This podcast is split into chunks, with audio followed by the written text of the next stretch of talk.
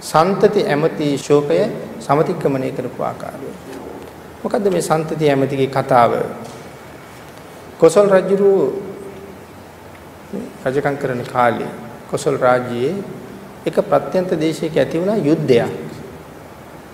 රජුරු මේ සන්තති ඇමතිට බාර දුන්නා මේ කැරැල්ල මර්ධනය කරලා එන්න කියලා. අමාත්‍යවරයා ගිහිල්ලා හිත පහසුවෙන් කැරැල්ල මර්ධනය කෙරුවා. කැරැල්ල මර්ධනය කරලා ඇවිල්ලා රජුරන්ට ප්‍රකාශ කළා ස්වාමීනි කැරැල්ල මර්ධනය කළා. රජුරන්ට හරි සතුටුයි මේ කැරැල්ල මර්ධනය කිරීම පිළිබඳව. ඒ නිසා රජුරෝ සිංහාසනෙ නැගිටලා සන්තති අමාත්‍යයට සිංහාසනේ බාර කළා දවස් 7කට. දවස් 7කට සන්තති ඇමති රජ කළා. ඊටාම දක්ෂ නාටිකාංගනාවක්. මෙයාට ලබලා දුන්න මේ හත් දවසම මේ ඇගෙන් ගී සින්දු අහමින් සතුටු වෙන්න කියලා. අපිට සම්තති හැමති උදේ ඉඳලා රැ වෙනකම්ම මද්ද්‍රව්‍ය පාවිච්චි කරනවා. ඒ බලාපොරොත්තු නේ තමයි රජකම හම්බ වෙයි කියලා. රජකම හම්බුණා හරි සතුටුයි. උදේ ඉඳලා රැ වෙනකම් මද්ද්‍රව්‍ය පාවිච්චි කරනවා. මේ නාටිකාංගනාව හැමදාම ඔහු සතුටු කරනවා. දැන් හත් වෙනි දවසේ මට අද විතරයි රජකම තියෙන්නේ. මේ නාටිකාංගනාවත් ඊටාම දක්ෂයි. ඇය තමන් දන්න සියලුම ශිල්ප ඥාන දක්වමින් හත්වෙනි දවසේ සම්තති ඇමතිව සතුටු කරන්න නර්තනයක් ඉදිරිපත් කරමින් හිටියා. ඒ අතර ඇතිවෙන කුසේ වේදනාවක් නිසා ඇය ඒ වේදනාවෙන්ම නටන අතරතුරම මැරෙනවා. මෙන්න මේ කාරණාව සම්තති අමාත්‍යයට දරාගන්න දරාගන්න බැරුව යනවා. දැඩි දුකක් ඔහුට ඇති වෙනවා. දැඩි ශෝකයක් ඔහුට ඇති වෙනවා. ඒකට හිතටනේ රිදෙන්නේ දැන් මේ ඊටාම සමීප කෙනෙක් නැති වෙච්චාම ඇඟට නෙමෙයි රිදෙන්නේ හිතට. ඒ නිසා ඒකට කියනවා ශෝකය කියලා. මෙයාට දැඩි ශෝකයක් ඇති වුණා. ඒ ශෝකය ඇති වෙච්ච නිසා මෙයා කල්පනා කරනවා කවුරු ගාවටද යන්නේ මේ ශෝකය නැති කරගන්න. හරි වටින ප්‍රකාශයක්. හරි වටින කල්පනාවක්. මේ ශෝකය නැති කරගන්න කවුරු ගාවටද යන්නේ. ඇයි ඒකේ තරම් වටිනවා කියලා කිව්වේ? අපිට දුකක් ශෝකයක් ඇති වෙච්ච වෙලාවට අපිට හිතෙනවද මේ ශෝකය නැති කරන්න නම් භාග්‍යතුන් වහන්සේ ළඟට ගියොත් පුළුවන්. අපිට ශෝකයක් ඇති වෙච්ච වෙලාවට මතක් වේවිද බුදුරජාණන් වහන්සේ. අපිට මතක් වේවිද ධර්මයේ. අපිට මතක් වේවිද සතිපට්ඨාන මාර්ගයේ මෙහෙම කියලා තියෙනවානේ ශෝක පරිද්දවාණං සමතික්කමාය. මේ කොහොමද මේ ශෝකයේ පරිදේවේ සමනය කරන හැටි සතිපට්ඨාන මාර්ගයේ කියලා තියෙනවානේ මගේ මේ ශෝකය නැති කරගන්න මම සතිපට්ඨාන මාර්ගයේ භාවිතා කළ යුතුයි කියලා අපිට කවදාවත් කල්පනා වෙන්නේ කල්පනා වෙන්නේ නැහැ.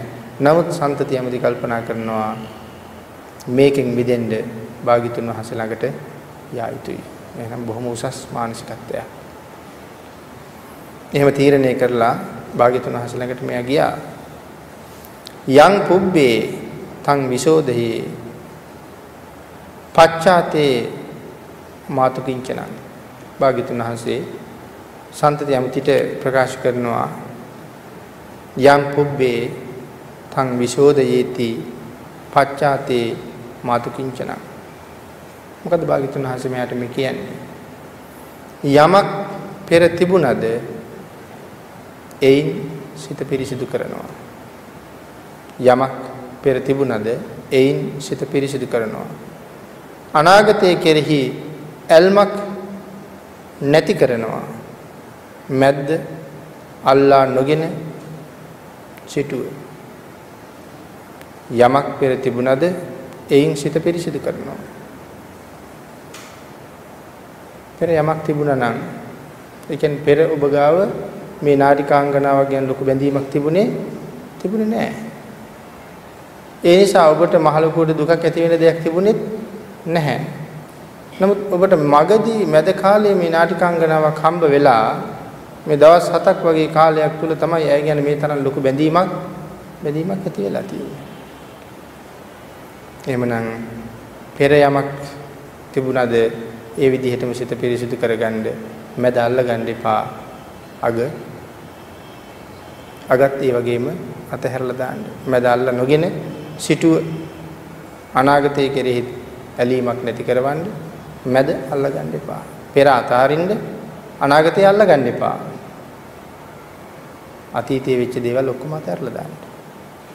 අතීතයේ වෙච්ච දේවල් කල්පනා කරන්න ගියහම හිත ඇතුලේ බුර බුරා ශෝකේ නැගෙන එක නෙවෙන්නේ. දුක ඇති වෙන එක නෙවෙන්නේ. ඒ නිසා අතීතය කියලා කියන්නේ මලකඳ. ඒක සදාහටම අතීතය අතහැරලා දාන්න. අනාගතේ මොකවත්ම අල්ලගන්න එපා.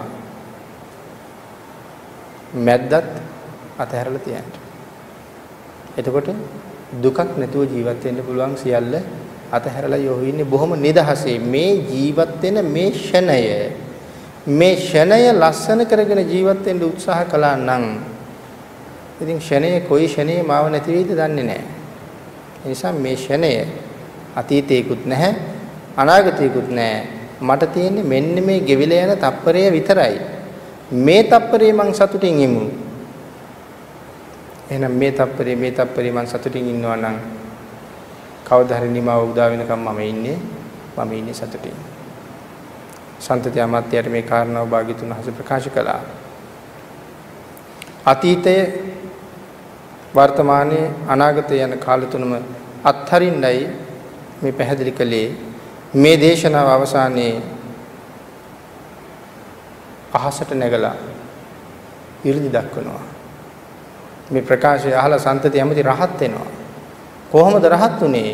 සඳහන් කරනවා අලංකතෝ චේපි සමං චරෙය්‍ය සන්තෝ දන්තෝ නියතෝ බ්‍රහ්මචාරී සබ්බේසු භූතේසු නිදහය දණ්ඩං සෝ බ්‍රාහ්මනෝ සෝ සමනෝ සභික්ඛු සඳහන් කරනවා දණ්ඩ වර්ගයේ මේ කාරණාව සඳහන් කරන්නේ සමපද පාළියේ දණ්ඩ වර්ගයේ උදේ ඉඳලා රෑ වෙනකම්ම බීලා බීලා හිටපු මිනිසෙක් මේ.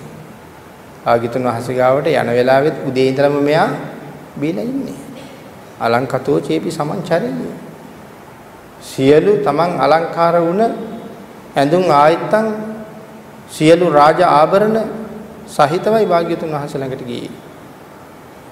ඒ සියල්ල සහිතවම තමයි රහත් වෙන්නේ. එකක්වත් ගලවලා තිබ්බේ නෑ මේ මේ ඔටුන්න එපා, මාල එපා, වලලු එපා. එකක්වත් ගලවලා තිබ්බේ නෑ අලංකතෝ ජීවි සමංචරිය. අලංකාර වෙච්ච ද්‍රව්‍ය සියල්ල දරාගෙනමයි රහත් වෙන්නේ. රහත් වෙලා ඉවර වෙලා බැලුවා ආයුෂ කොච්චරද කියලා. මගෙත් ආයුෂ ඉවරයි. අර කාන්තාවගේ ආයුෂ ඉවර වෙනවත් එක්කම වගේ තමයි ආයුෂ ඉවර වෙමින් තියෙන්නේ. දැන් මගෙත් ආයුෂ ඉවරයි. අහසට පැන නැගලා 이르දි දක්වනවා. භාග්‍යතුන් වහන්සේට වඳිනවා. අහසට නගිනවා බහිනවා භාග්‍යතුන් වහන්සේට වඳිනවා. මෙහෙම මෙහෙම කරලා අහසදීම පිරිනවම් පානවා. ධාතුන් වහන්සේලා විසිරීලා විසිරීලා යනවා. මෙයා මෙයාගේ ශෝකය සමතික්‍රමණය කරගන්න භාග්‍යතුන් වහන්සේව සොයාගෙන ගිය නිසා එයාට ඒ ශෝකය දිනන්න පුළුවන් වුණා.